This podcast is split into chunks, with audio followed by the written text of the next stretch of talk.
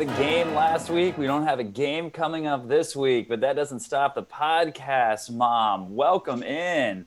Welcome, Canes fans. And welcome to two special guests. We're bringing the Florida State crew back together from 2019. James Rohall. Give it up for James Rohall, everybody. Hey, hey, welcome everybody. Uh, glad to be back. Uh, returning, I think this is appearance number two on the Chris Hayes featuring Mama Hayes podcast. It is number two, but also don't forget that time that we tried to do booster clubs this off season. That panned out really well. That worked out. So um, this is actually number three, if you really count that one in there. So welcome, James. And then from Atlanta, Georgia, ready to talk about politics all all episode is Rob Adair. Welcome back, Rob Adair. Hey, everybody. So we don't know if he's going to talk about Dabo Swinney later in his rant. We don't know if he's going to talk about Georgia politics about his rant. We don't know if he's going to talk about just all of it and COVID 19 mixed together, but we're going to have a good time and go from there. So, as we said last week, we are kind of mixing it up, doing different things. Obviously, there wasn't a game last week, but Rob and James um, definitely want to get. We've heard a lot of what Mama Hayes and I have thought about the season so far, but want to hear what you guys have thought about the season so far, especially now that we've had a quarterback for the first time since uh, we were in college, guys. What do you think about that, James? I can't tell you how excited I am about D'Eriq King. It is so wonderful to finally have a quarterback at the at leading this team uh, through an insane year, obviously, and I'm sure we'll dig into all the COVID fun uh, discussions. But uh, King is is truly living that title. He is the king of Miami at the quarterback position, hands down, undisputed starter, no doubts. Uh, it's just it's it's it's one of those things. Honestly, I'll put it like it's exciting to be a Kings fan again. I wish that we had more supporting cast and like you know an uninterrupted, non-COVID affected sort of year.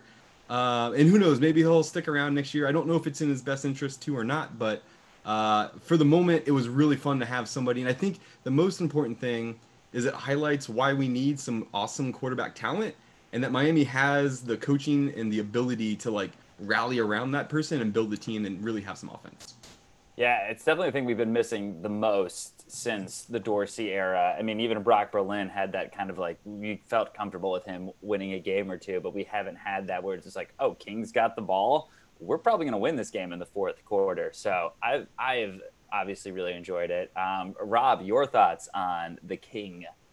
Yeah, it's been it's been great. Um, he he does give a lot of more confidence, and you know when we've been down the last couple weeks, I don't get that you know sense of dread that oh well there goes that game in the middle of the third quarter because we're down by 10 points um, i'd echo james comment i thought a lot about you know i feel like we might have missed a truly special cane season because of covid because we didn't get spring practices because rousseau opted out for good reason certainly don't blame him for that but i can't imagine having him and phillips opposite each other on the defensive line like so many uh, so many what ifs on the season, but it's been um, I've been very thankful to get eight games so far.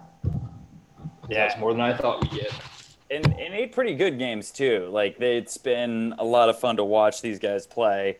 Uh, obviously, you take out the Clemson game. Even then, I think um, if that fourth down against Clemson, uh, where Roche was offside supposedly, um, where he then got the interception. I think that game would have been a lot closer. Um, and again, I think that was Bubba Bolden's best game. I know we, I've dived in plenty on Bubba Bolden over the last few weeks, as Mama Hayes knows.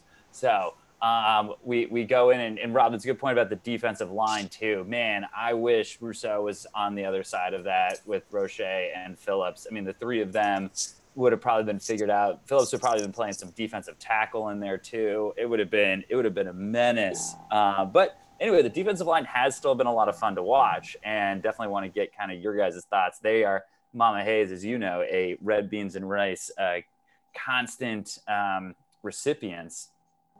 James, what are your thoughts on the defensive line? There we go. Sorry, we're getting on there. I was at a train of thought there. We're good. We're, we're back in this. You know, I wasn't sure when the uh, the dish was getting filled up, but I wasn't sure when it was coming my way. Uh, but in any event, uh, I totally agree on the on the front line, and namely Phillips and uh, Roche. Uh, however, I gotta say, I would love to have obviously seen what Rousseau could have done in there, but I still have a lot of concerns around this linebacker corps. Um, it's hard to judge on the safety evaluation because we've had multiple times where, um, oh gosh, who was it? Uh, uh, Carter. Carter. Uh, Carter gets ejected in like you know the first play. Death Um, taxes Amari Carter getting ejected for targeting. So like you know, it's sort of I feel like with the defense, this is going to be the season of like what could have been, or you know, what would have really happened if we had all those practices and the time to really get it to like operate at at a better efficiency and really see what they can do. But to answer the question on the D line, you gotta like what they're doing. I mean, they're creating trouble, uh, a lot of good pressure at times. Um, I, I, I think it's, and I'm not sure on the COVID numbers of how much they've been affected from game to game. Doesn't seem like as much uh, compared to the O line. Uh, but yeah, in general, I like I like what they're doing, and I like it, it- again. It kind of goes to show that like you can build around that. Uh, but I will say underwhelming overall in the core defense. Uh, not as many picks. Would like to see some more pressure there. Uh, but the line, you know, credit where credit due. I mean, they're they're holding it down. Yeah. Rob, you were doing uh, finger guns when James said uh, about the linebackers. Give us your thoughts on what the linebackers are doing Um, this year. I might have been the only person who was not excited about Zach McCloud coming back for another year. Really? Yeah, not Actually, even a explain that. bit. I'm surprised. Um, yeah. He, I mean, he he looks lost. He has not progressed as a as a mentally in his five years there. He still takes terrible angles. He's out of position constantly. I would love to see. I, I, I'd love to see some more Sam Brooks. Some of the younger guys get in there and get a little bit more burn. Um, I it, it's just he, he leaves a lot lacking. Brooks seems to be the best, like talent wise. He just He he's he- fast. He he is what you want in a modern day linebacker because he's He- not the big 250 pound guy, but he is fast and he can hit. he reminds me a ton of Sean Spence when he played at Miami. And I think what's unfortunate is like Sean Spence was a little bit before his time because he was an athletic guy um, that could cover the field, but it wasn't like you said. It was like you needed to be between you know 225 and 250 back then. Um, where you know Sam Brooks, and then again, like Sam Brooks is the only one that recognizes a throwback screen that we've Yeah. gotten beat on eight bleeping times this year, which is incredible. That that still is like how does Blake Baker not recognize that that's most likely coming or teach everyone like, hey, we're over pursue here. Maybe have somebody go. But anyway, we'll we'll save that for for another time. Um, anyway, the the team again, we we one loss on the season. I can't even think what we got. It were seven and one right now. Um, again, the the losses that you usually expect in the ACC have not happened yet. Knock on wood um, and haven't had that letdown game, even though they've been close a couple times. Again, D'Eriq King being a big part of that, uh, leading the team to victory. So, segue into the favorite moment so far of the year. And Mama Hayes, I don't want to leave you out of this podcast. Um, so, I'm actually going to throw it over to you right now and for you to talk about your favorite moment so far in this Canes 2020 season.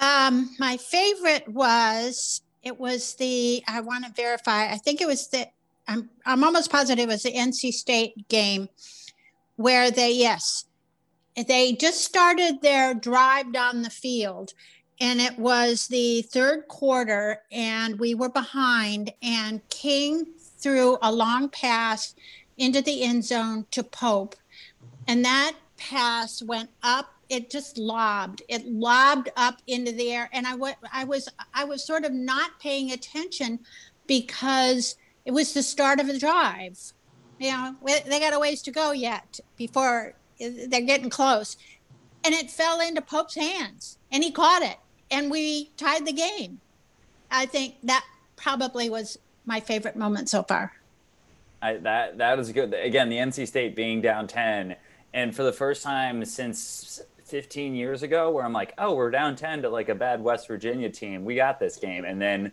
would win the game. Is the first like it's nice to have that feeling back. James, I'll throw it over to you for your favorite moment so far. You're in big agreement with Mama Hayes about this one. So Uh, you can either elaborate a little bit more, or you can have your own one. You know what? You can do both. You know what? Whatever. It's the day before Thanksgiving. You can do whatever you want, kid. Man, double helpings. I love it. Uh, just get as much turkey as you want.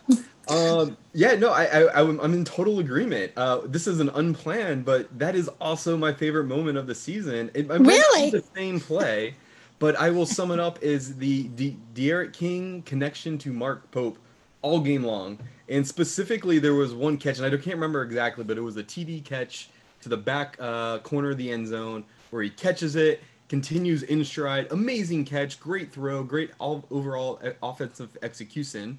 Uh, and then Mark Pope proceeded up the stairs into the stadium with his momentum, and there was just something about that that imagery of the shot, the great catch, the great throw. I I, I want to say that I feel like in, at least in my memory, uh, that's when we took the lead over the game. I'm probably totally wrong, but at least that's how I like to remember it. But but that was for me. Um, at the time of watching that game, I was stressed out of my mind. But I rewatched the game that night a second time, and it was so much more enjoyable knowing the outcome. um, so yeah, I, I, will say it was uh, it was a rough one to get through in real time, but man, that was really just a fun a fun thing to see. And and and, and the key thing for me was that was the point where it sort of flipped, where usually you're really excited about the defense and you're like, okay, the defense is gonna have to come out, get a turnover or score to win this game. And this was different. This was like it's fine. Like if they're gonna score, that's okay. We got the offense to keep up.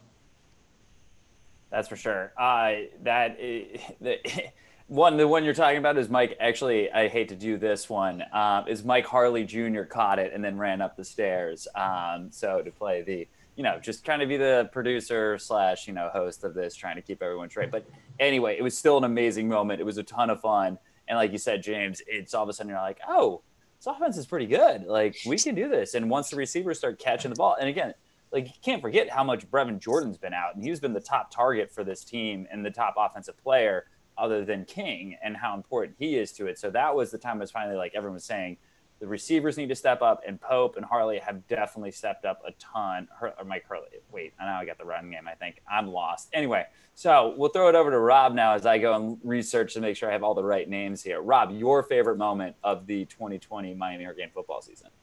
Uh, I don't really have a specific play, but the absolute verb stomping at Florida State was a whole lot of fun.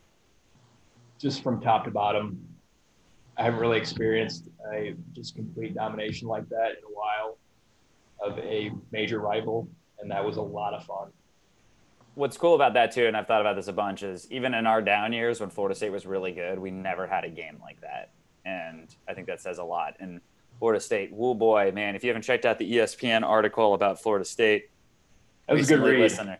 It is a very good read. It's yeah. a very good read of like seeing what happens in college football, the politics. Also, it's very interesting of the kind of how Florida State is one of those you think is a big budget program is not really that big of a budget program. I was surprised to read that. Yeah. Yeah, for sure. Like you would think because it's a state school, you know, the amount of money that Florida get, University of Florida gets, um, you know, the amount of money you see going into Alabama, Clemson, and all these other state schools that Florida State would get the same, especially with the success they have.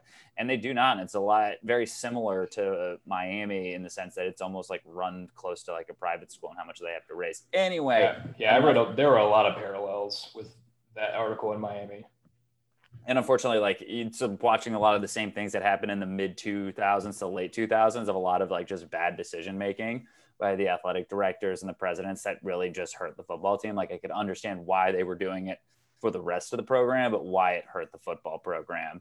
Um, and again, too, like, and actually, you've seen how much like Florida State's gotten better at basketball. But anyway, we get back into it. I will have to say, my favorite moment is when Jose Borregales nailed like a 60 yard field goal against Louisville and was like, oh my gosh, we don't have to worry about the kicking game for the rest of the year. This is amazing. so that is my favorite moment all year. Of all course, right. it would be because of your concentration on the special teams. Of course, you know that. All right. Well, as every time there's a favorite moment, and there's plenty of highs in the Miami Hurricane season, there are some lows. So we'll wrap up this segment quickly. We'll go round robin, keep it quick, keep it short on the lowest part of the season. And James, I'll throw it over to you first. So it's not a moment, but it's a thing. And uh, it pings me a little bit because I, I, I thought I was gonna be excited, but the touchdown rings. We, we gotta be we gotta be done with this. It, I, they don't even show it on TV anymore. The players don't. Harris doesn't even wear them. He's like, give it to this, the other people, or give it to that guy. It's like, okay, we're going to be excited about this as a team and we're going to buy in, or it's this dumb thing and we're over it. And it seems like it's a dumb thing and they're over it. So I'm over. All right. James is over the touchdown rings. Mama Hayes, your lowest moment so far of this season? Any Carter targeting penalty. Whoa, man. Well, that's a lot of low moments then because that happens so much. Rob, your lowest moment of the season? I go with COVID. Yeah.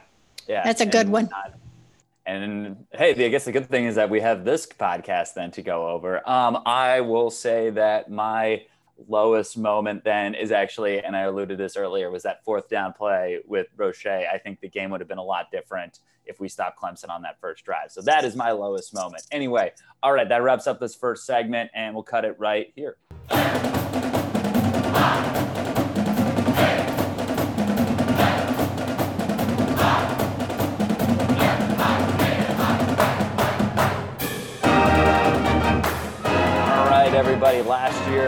Introduced two of your favorite segments, Rob Rants and James Travels. So, Rob Adair, you are up, sir. Please give us your best Rob Rants. If I have imaging still, I would use it. I think it just said Rob Rants, Rob Rants, Rob Rants. So, go ahead, buddy. He's got his all notebook right. out. I wish you could all see this right now. It is ready to go. Sorry, so I'm out of the way. I'm, I'm going to hope that some other folks chime in here because I'd love to know your, your opinion on this too. Dabo Swinney is a terrible human being. That is what is going to be the topic of my rant. Thank you. That uh, is so. That, this yes, is, I've been saying that for years. This is not new information, but has been revived because of um, his comments regarding the Florida State cancellation that happened this past weekend, when he let a Clemson player practice with symptoms, and then travel with the team, and then had the, the audacity to bitch about Florida State not wanting to play them I don't like to praise Florida State. I don't really like Mike Norvell, but he did the right thing. Absolutely not should you be risking your players' health. Like, I don't know how, I, I still don't understand how people will let their children play for uh, Swinney. He has proven time and time again that he does not have his players' best interests at heart in any way, shape, or form and I have some wonderful quotes that I'd love to share with the audience. Please share, Rob. Uh, Please and these, share. I can't, I can't and, wait. and a lot of these, again, aren't new. Three out of four around general systemic racism and some of the uh, protests we've seen this year and in previous years with uh, Black Lives Matter and Colin Kaepernick. With regards to kneeling before the anthem, which is, I still don't get the hubbub about it. It's about the most innocuous way of protesting I can imagine. And I quote, I don't think it's good to be a distraction to your team, to use the team as a platform. And I say that because he interjects God in just about literally everything he says. So he's a hypocrite. uh, then, then we have, um, just going to continue along that theme. This one, this one was a doozy. Uh, on systemic racism, it's so easy to say we have a race problem, but we got a sin problem. That is some tone deaf shit right there. With regards to uh, people protesting. I remember, there's a family podcast, buddy. Sorry. but I, I, mean, I understand. Like, I feel a lot of the same way about Dabo. It makes me want to swear as well. I understand. I could. I understand. Keep it going, um, buddy. On police protesting, which he he did say that. Um, I guess he did the bare minimum here and would not. That's the word I'm looking for. Punish players for going to protest. So he did, I guess, the bare minimum there. But he also said some of these people need to move to another country. Oh, about Ooh. protesting. Ooh. Literally, come on now. I, I, need you to understand history a little bit before you say nonsense like that.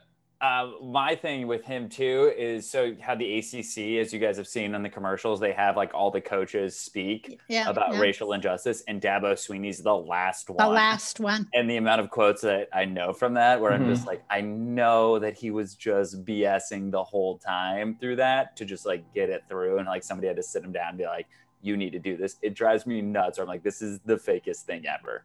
Mm-hmm. Also, the fact too, I will call this out. It's a bunch of like white coaches, and then only Dino Babers from Syracuse is the only person of color that's up there. I'm like, are you kidding me, guys? Like, let's be anyway. Keep going, Rob. Sorry, this is Rob Rants, not Chris Rants. And uh, the last quote that's a little bit more uh, football specific regards to paying players. As far as playing paying players, that's where you lose me. I'll go do something else because there's enough entitlement in this world as it is. This asshole has a 10 year contract for $93 million. Get out of here. And, yep, and a brand new here. facility. That's you, you the can, definition of entitlement. Yeah, you, you can you can argue we can have an argument about what paying players would look like because I'm sure there'd be lots of disagreement because it's a very complicated thing. But that is just that's just a tone deaf answer, and that would be four reasons why I would never let my child ever play for him ever. I think, and I, I, I, great rant. Everyone, let's give it up for Rob for his rant. That's a great rant. Glad he brought up Dabo. I think uh, it's definitely brought to light again his just kind of insensitiveness of what's going on. He was also the one that was like, "Oh, coronavirus back in March. Like, we'll just we'll outlift it. We'll we'll work it harder than coronavirus." And it's like that's not how viruses work, buddy. Like, let's use some science here. I it, it drives me. He drives me nuts, and especially too. Again, he plays up this whole like God thing and like you know this big Christian, and it's very clear that I don't think he is, and as well that he uh, oh man i lost my train of thought. Um, anyway that was a good train of thought that i had. James you, you you pick it up while i think about what i was thinking you know about. actually i have a question for you here which is it, it just is kind of dawning on me. Is around like rob something you mentioned which was like dabo clearly doesn't have something to the effect of you know players interest or the or those sorts of things in in, in mind. Um and I think I feel like that's really resonating even more now, and it kind of takes me back to the moment when we first found out about Trevor Lawrence's uh, being exposed to COVID, and then you know having to sit out the Notre Dame game. Um, well, obviously, would like to see what happened there, but it feel like it just it, it kind of makes me question even more the things Dabo has said, and does he really mean any of it? Like, is it all just a big front, right? Like, is it just a big smokescreen? And he says and tries to do the right things or what people want to hear, but at the end of the day, he's looking out for him. He's number one, and he's looking out for him. He's going to get that paycheck. And uh, you know, if Trevor Lawrence gets, uh, you know, God forbid, some co- sort of horrible, long-lasting effects from COVID or other things, or affects the rest of the team, it seems like it's just part of a calculated uh, thing. And I don't know, it just feels kind of cold. So I, I, guess the question being is like, is do you guys is that how you're kind of seeing it as well? Am I overreacting a little bit? What do you guys think? Mom, what are your exactly thoughts? Or go ahead, Rob. Mom, what do you think? Oh, uh, I, I'm at a loss. I, I'm learning things that I didn't know. So go ahead, Rob. All right, Rob, back to you. I was just going to add one more one more thing with the the dynamic with specifically with Florida State. They haven't had a positive case since Norvell got it right before they played us. So say whatever you want about Florida State, they have since that point in time have taken this very seriously and I I have I live in a state where people are not taking it seriously, and it drives me crazy on a daily basis. I haven't left my home to go more than a block in ten months, and it's driving me insane. And to see people that are making millions of dollars just flaunt that is really getting to me. Especially again with Dabo doing that. I mean, he's already had a star quarterback be out and it's, you know, you want to talk about him being in for himself. They lost the game against Notre Dame because Trevor Lawrence wasn't on in the game. He was on the sideline, which has had to be the weirdest thing, but that's a different story for a different time. But the fact that, like you, you said, Robert, it's really. Though? They didn't lose that game because Trevor Lawrence wasn't in the team on the game. They still let up forty something points. For sure, but like Trevor, okay. Trevor Lawrence, I mean, I much like I much rather have Trevor Lawrence in overtime in that game leading the team. Like there's, I wouldn't, yeah, they could still definitely have lost that game, and Notre Dame seems to be pretty decent, and it's on the road. But Trevor Lawrence just being in that game helps you a lot. And we have seen actually, if there's anything I do know like about Trevor Lawrence, he steps up pretty well in those games. Against Miami, he had a great game last year. I think against Ohio State in the in the, in the semifinal game, like he had an unbelievable game. When the moment shines in these close games, he steps up to it in the same way we talked about D'Eriq King. But at the same time, I think that so him being out. But again he's out. It's you can still point to it being and they're already pointing to like hey keep us in the college football playoff because trevor lawrence was out. Like how do you not take this more seriously that dabo does of making sure that everyone's staying safe the same way that they've done with mike norvell everything like that of like hey we really have to take this seriously or it's going to cost us a national championship for a mm. team that is really good. And that would be the, the, the top of my mind is i need my players even selfishly, I need them all healthy. Mm-hmm. So like, I, I don't understand the the cavalier nature that he's approaching COVID. Yeah, and again, it. too, it's just, just like why why you're a 50 point favorite against Florida State. You're going to win this game easily without any problem. Like, why even take that risk? It's not again the Notre Dame game, um, and, and, from there. Anyway, I, I will close out on this before we get over to James's little uh, uh, uh, segment here is that I don't know. Like, I think there's some, there's plenty of fishy things going on in Clemson. It's one of those, like, they all of a sudden went from like being in the middle of the road to finally getting over the hump, and all of a sudden they're bringing in players.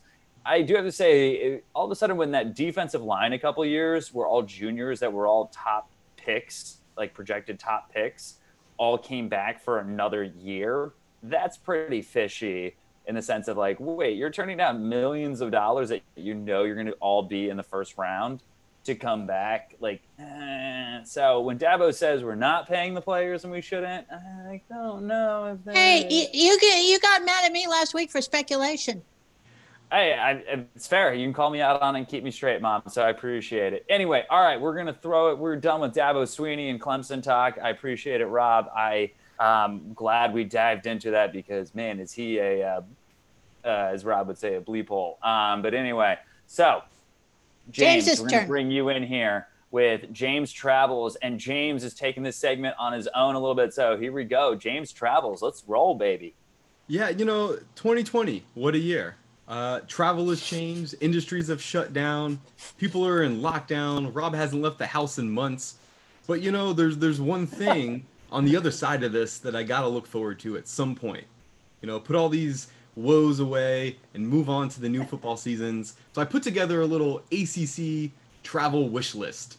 These are my Uh, Okay. stacked ranked destinations that I would like to travel to in that order. Uh, Okay, I can so- go either way, but I'm thinking we start at maybe the bomb and work it up. What do we think? James, let's start at the bottom. We'll work way up. You know, that's how lists work. We want to go bottom to top. We don't want to start because no one's going to listen by the time we get to the bottom. Um, let's go over. Like, are there any? You have been to a few places. Are these places that you've already been to on your wish list? Yeah, that, you know, see, that's a great point and question, which is I originally started this journey out going, let me rank all of the places I've been. But then I quickly realized I have only been to four of the, well, currently 15, normally 14 ACC teams. Uh, and so there's now pivoting. There's places to go. We got to get some, get out there, do some exploring, get around the ACC a little bit. But uh, slight spoiler, I've got this into three buckets. There's sort of a bottom layer, a middle five, and a top five. So the bottom five, we're gonna crank these out pretty quick here. So coming in at number 15. All right, hold on, hold on, hold on. I'm going to steer this back here for a second. All right, so we're going to go all 15. Even if you've been there before, this is still on your list. Okay, just want to make that clear when we go through this. All right, so this bottom 15, you know what? Let's even just call this the bucket five. All right, James Rohal, what is your bucket five?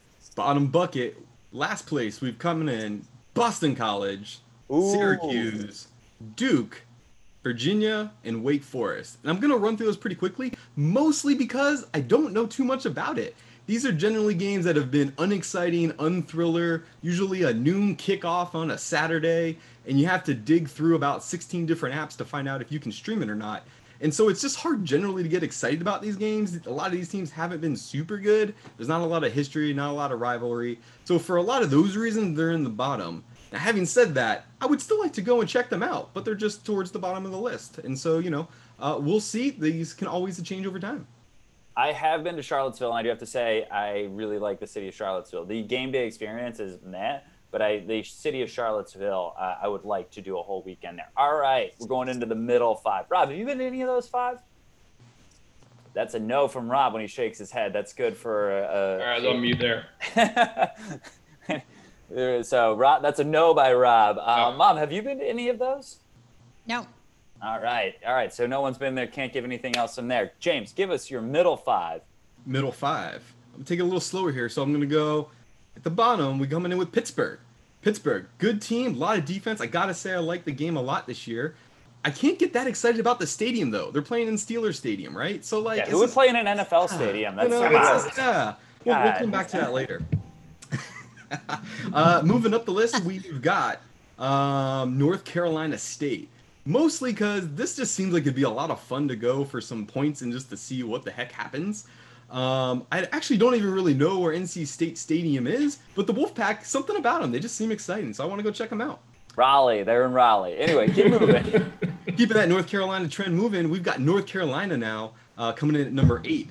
Uh, something about the baby blues and, and seeing the Jordan uh, emblems. I don't know. Got to go check it out. Uh, it doesn't hurt that they're ranked this year, and there is a little bit of bad blood boiling. I feel like between the UNC and Miami, uh, over especially over the past few years and how that series has kind of been going. It's a weird rivalry all of a sudden of like ACC all of a sudden conference where that's and they have our number like they just beat us consistently. All right, keep it rolling, James. All right. Finally, we have one that James has been to, and everyone I think on this uh, podcast, Georgia Tech, right in the heart of Atlanta, Georgia. I love the stadium and just the small vibe and the the like kind of that small electric vibe, but that can't same thing be said for the offense of Georgia Tech. And so that's what keeps it, you know, sort of in this middle tier. It's really hard to get really excited about watching Georgia Tech football, but the city of Atlanta is amazing. Love the love getting a varsity hot dog and a fresh Coke, and then strolling into that stadium and having a good time. You only got a new coach, right? I don't know. I haven't honestly. I have not watched the Georgia Tech football game. Say, like, I, I don't know any of this. Paul, Paul Johnson James is out is of there, man. James is still gonna hold. Ten years from now, he's gonna be like, run the triple option." Like James, they haven't ran it in ten years. He's still. I don't care. They're still running the triple option. I hate them. You're they even have a new wide coach. That they do, and they still beat us last year, which was great. So hopefully we can finally get some revenge on them. I will have to say, while I do love the stadium, I love that environment of how tight it is and the beautiful Atlanta skyline around you.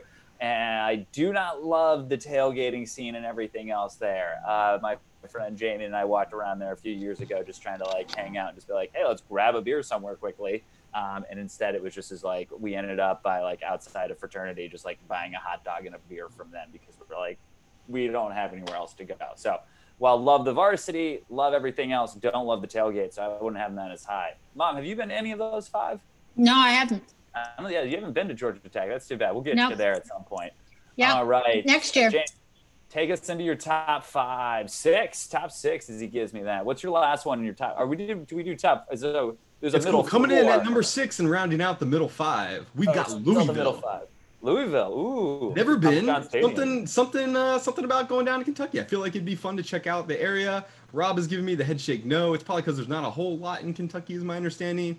Uh, but it seems like it'd be a fun place to kind of check out. And it just, I guess, more than anything, it'd be fun to maybe watch that game uh, in their in their house. But Rob, what do you So got? uh, I will add from I was from Louisville, Kentucky. Still got family there. The city of Louisville is is you can have a lot of fun there. Uh, the stadium's crappy. There's not a good game day vibe there, but the city itself is a lot of fun. Might have to redo your list next year when we Yeah, do this. that that or drops next week down. when we still don't have it. So yeah, that might drop it down. Uh, I do have to say one of the best breakfast places I've ever been to is in Louisville. So, but keep it ruling. All right, so now when we're were act- you in Louisville? Uh, twice actually went to a coaching conference there and went to watch a race there uh, a few years ago. So that's both times I've been there. Um, anyway, let's move on from that part. Let's go top five. Coming in at number five, uh, big, big rivalry, a little bit of an older one. Oh, I'm gonna interrupt you. I just want to go to Louisville so I can see the Kentucky Derby. That's mainly what I really want to do. And okay, so that would like jump my thing up there. Anyway, and then juleps. All right, James. Sorry, number five. I was so rude about that. Keep going, baby. It's all cool. I think this place has been in a movie or something uh, with some feller, but it is the home of the Fighting Irish, Notre Dame. Uh, Boo! Uh, you know, I gotta say, I don't love Notre Dame. I don't think that that'll come at any surprise anyone here or listening to this. Uh, but there's something intriguing about going to somebody else's house and putting a whooping on them. So I'm only excited to hopefully do that. I don't know that we're there right now, but hey, that's the fun of it. And a lot of this, I think, is coming back to that last uh, stomping we put on Notre Dame when they came to our house. And so it'd be really fun to kind of return the favor and now go to their house and do the same. Number four. Um, number four, place that we have been, Clemson. Uh, aside from all the Dabo hate that we have gone through, you got to say I love their their stadium and their place to play. Um, there's something cool about rolling down that hill uh, to kick things off. The fans uh, used to have been some of the nicest. I don't know if that's still going to hold. We're going to see how they how they uh, how they handle it when we show up next time. Uh, the ACC uh, tourney still you know still still stains a bit and still hurts. Uh, but I got to say that like just walking around the vibes, going through frat row, just meeting and talking with people, getting beers as you're strolling to the stadium was such a cool experience.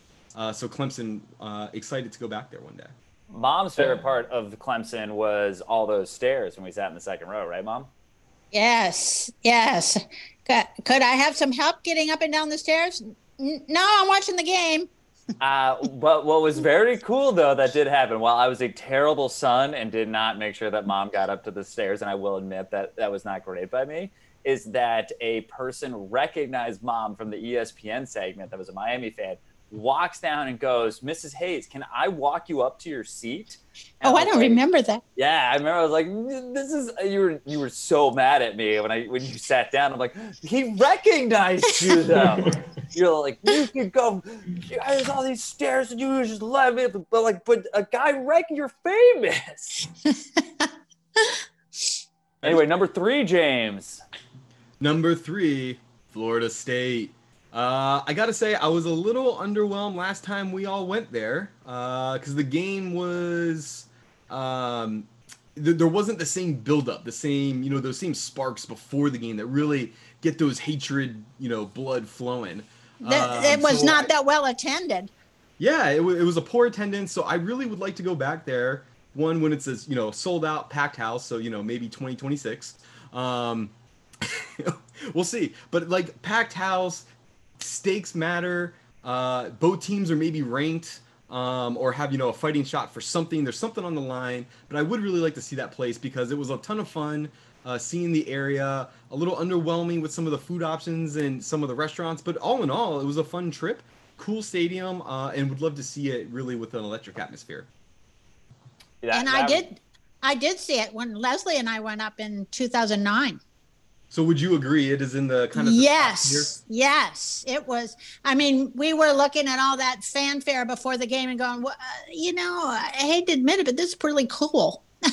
right? You know, Yeah, yeah. they're doing a lot of cool stuff. I mean, they got the whole Concord thing. They got the big drums out front. They, I mean, ton of people that you know just generally seem to really support that team. Uh, I don't know why they made that mistake, but anyways, moving on to number two, we've got Virginia Tech. I have not been there. I want to go. Same reasons. I want to hear some Metallica in those stands, and I hope. Oh my gosh, it would be so cool. Shout cool. out to our producer DJ Neese, who's going to be doing this. So yeah, you can play some little Enter Sandman too, DJ, when we do this right now. So there you go. There's just something about it. I just want to go. Uh, my boss is a Virginia Tech alum. I work with Virginia Tech alumni, uh, and they're always talking stuff. I got to say, this is the one year they have not been very loud about the Virginia Tech game. Uh, and so, really, if you've been keeping track, that leaves us with number one, which is no surprise. It's the only team I haven't mentioned, which is Miami. Miami. That's I love the okay. Uh, the stadium is nothing else. I have to travel over 2,500 miles to get there, and there's nothing that makes me happier than being at every possible Hurricanes home game that I can be. So I can't wait till the day that I can travel and see all of these ACC teams get a whooping by my Canes. I still miss the Orange Bowl a ton, but I will have to say, even walk, walking up into Hard Rock Stadium, I still get the same vibes, the same excitement that a Canes game is about to happen. Yep. All right, that rounds out our segment of Rob Rants, James Travels, and we'll finish up with one more segment after this.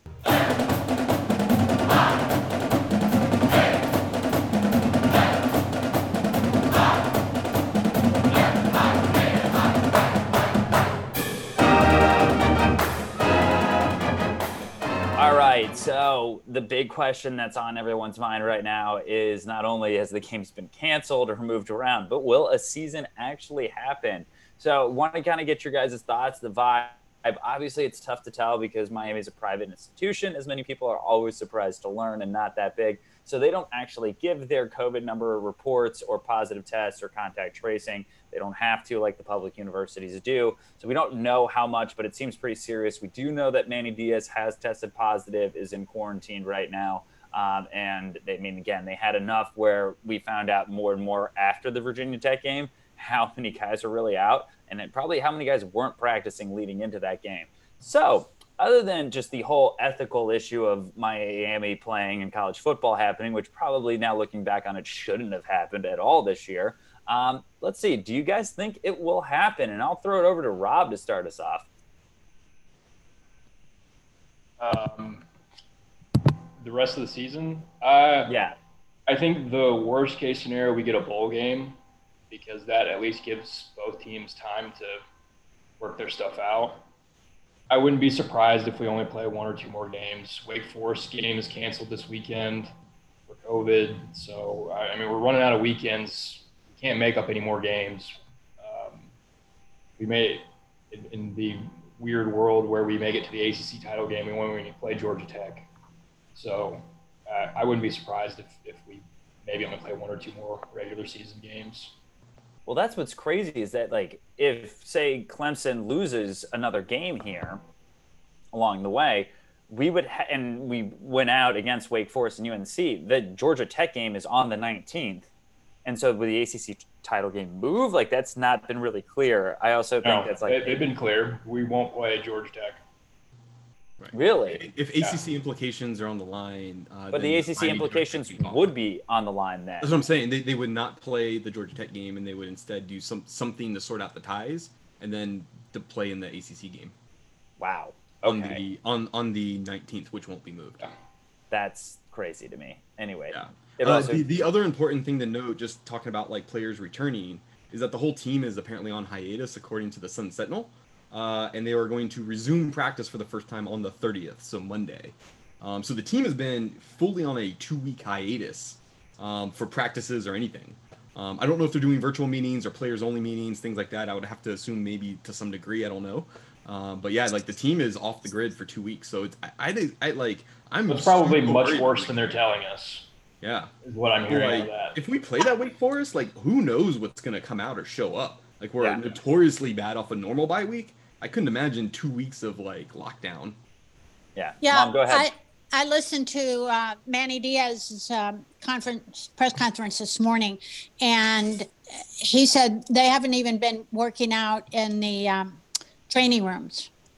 So it, it just uh, the, to start out fresh after what two weeks then on Monday, I, I I can't see this having a good ending whether it be it, it, whether we play or don't play, I, I, just don't see it with a good ending. And I think just from uh, the, the what he alluded to, I think that it's far, just like you've said, far worse than what we know.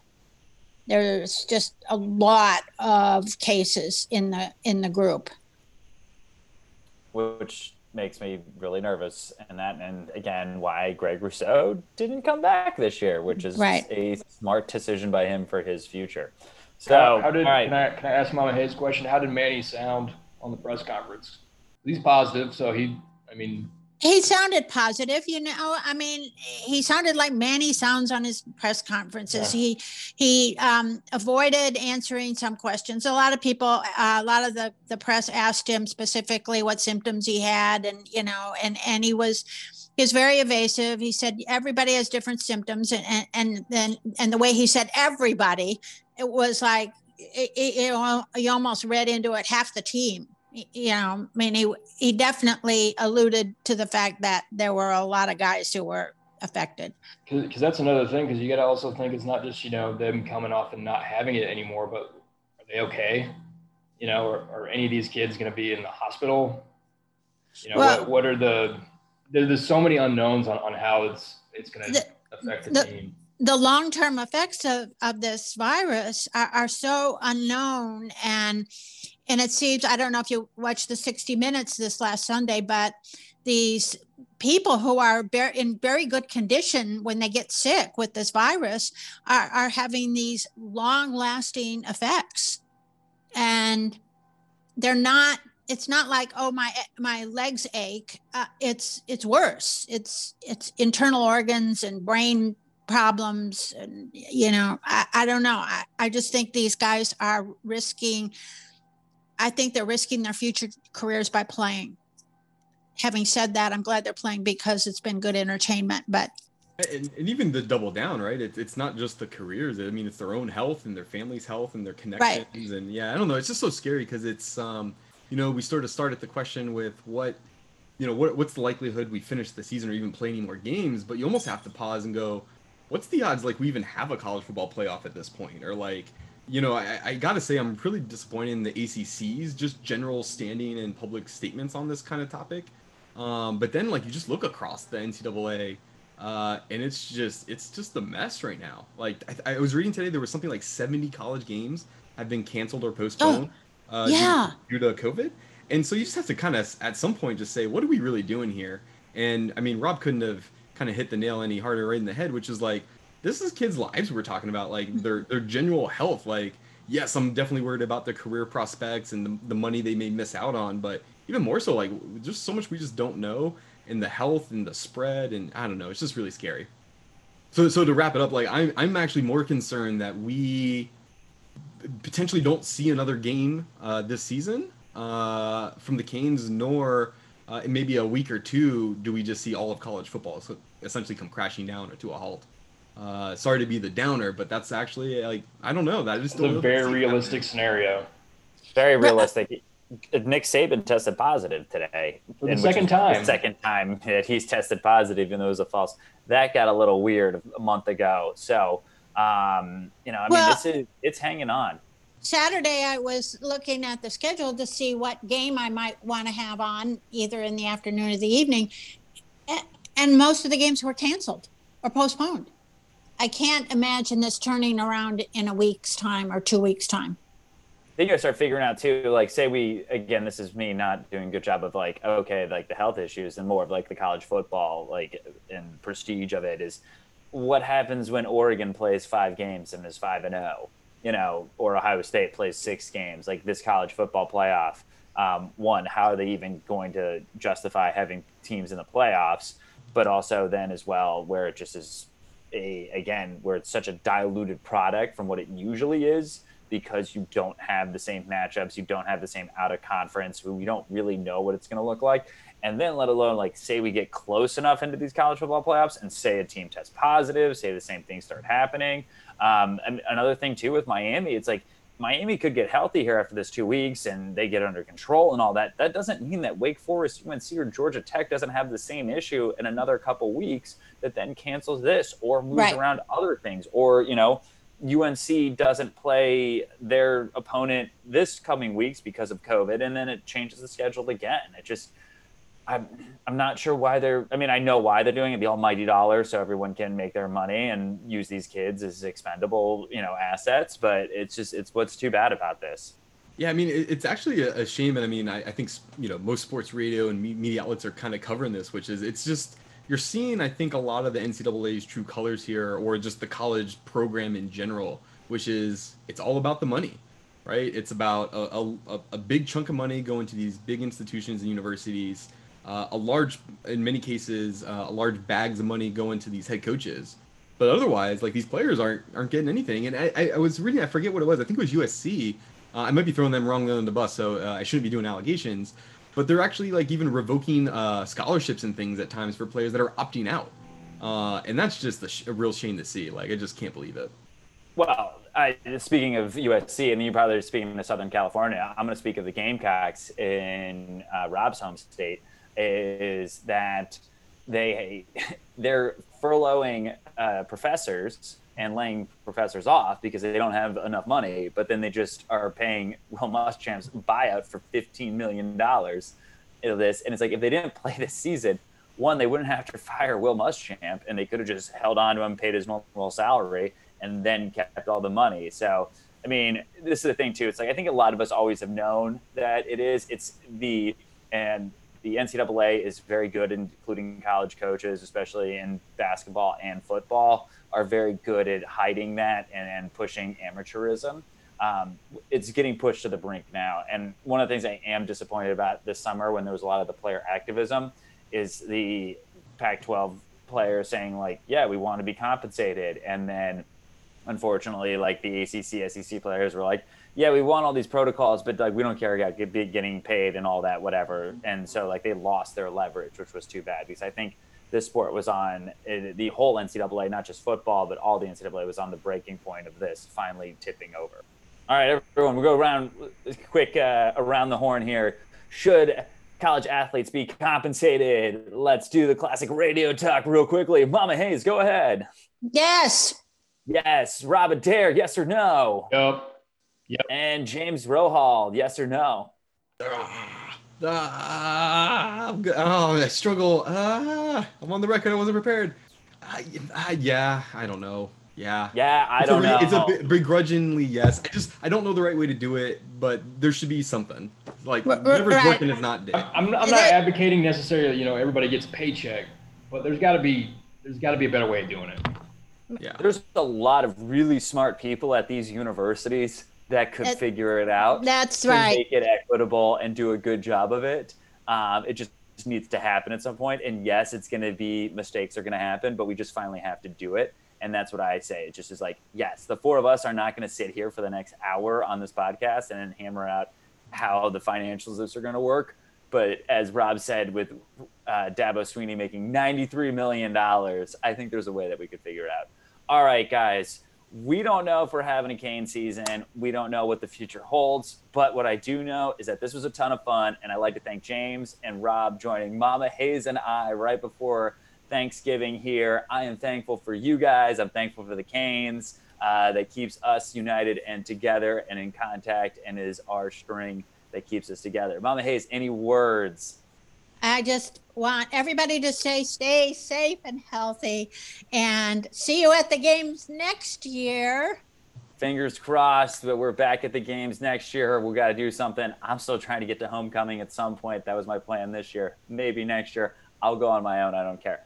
All right, guys. As you know, we break this thing down to end. We're going to try it, all four of us. Remember, don't be too loud because your Zoom will cut out. So keep it kind of like, uh, and then follow Mama Hayes' lead. That's the best way to do it. So, Mama Hayes, as our resident Sebastian, let's do it. Uh, C A N E S. Yes. Hayes. Not bad for our first That was the best all season. Best all season. I love that. Well, thank you again, James, coming in from Seattle, and Rob coming in from Georgia for joining us on this episode of Walking On with Chris Hayes, featuring Mama Hayes with Mama Hayes or and Mama Hayes. We don't know yet. James is going to get down to the bottom of that for us. All right. So have a wonderful week. Happy Thanksgiving. And hopefully we'll talk actual Canes football soon. Maybe, maybe not. Anyway, keep listening. Get us out of Go here. Mom. Go One more time. Canes. Go Canes. Go Canes. Everybody, one, two, three, go Canes! Go Canes, go! Canes! Let's go Canes.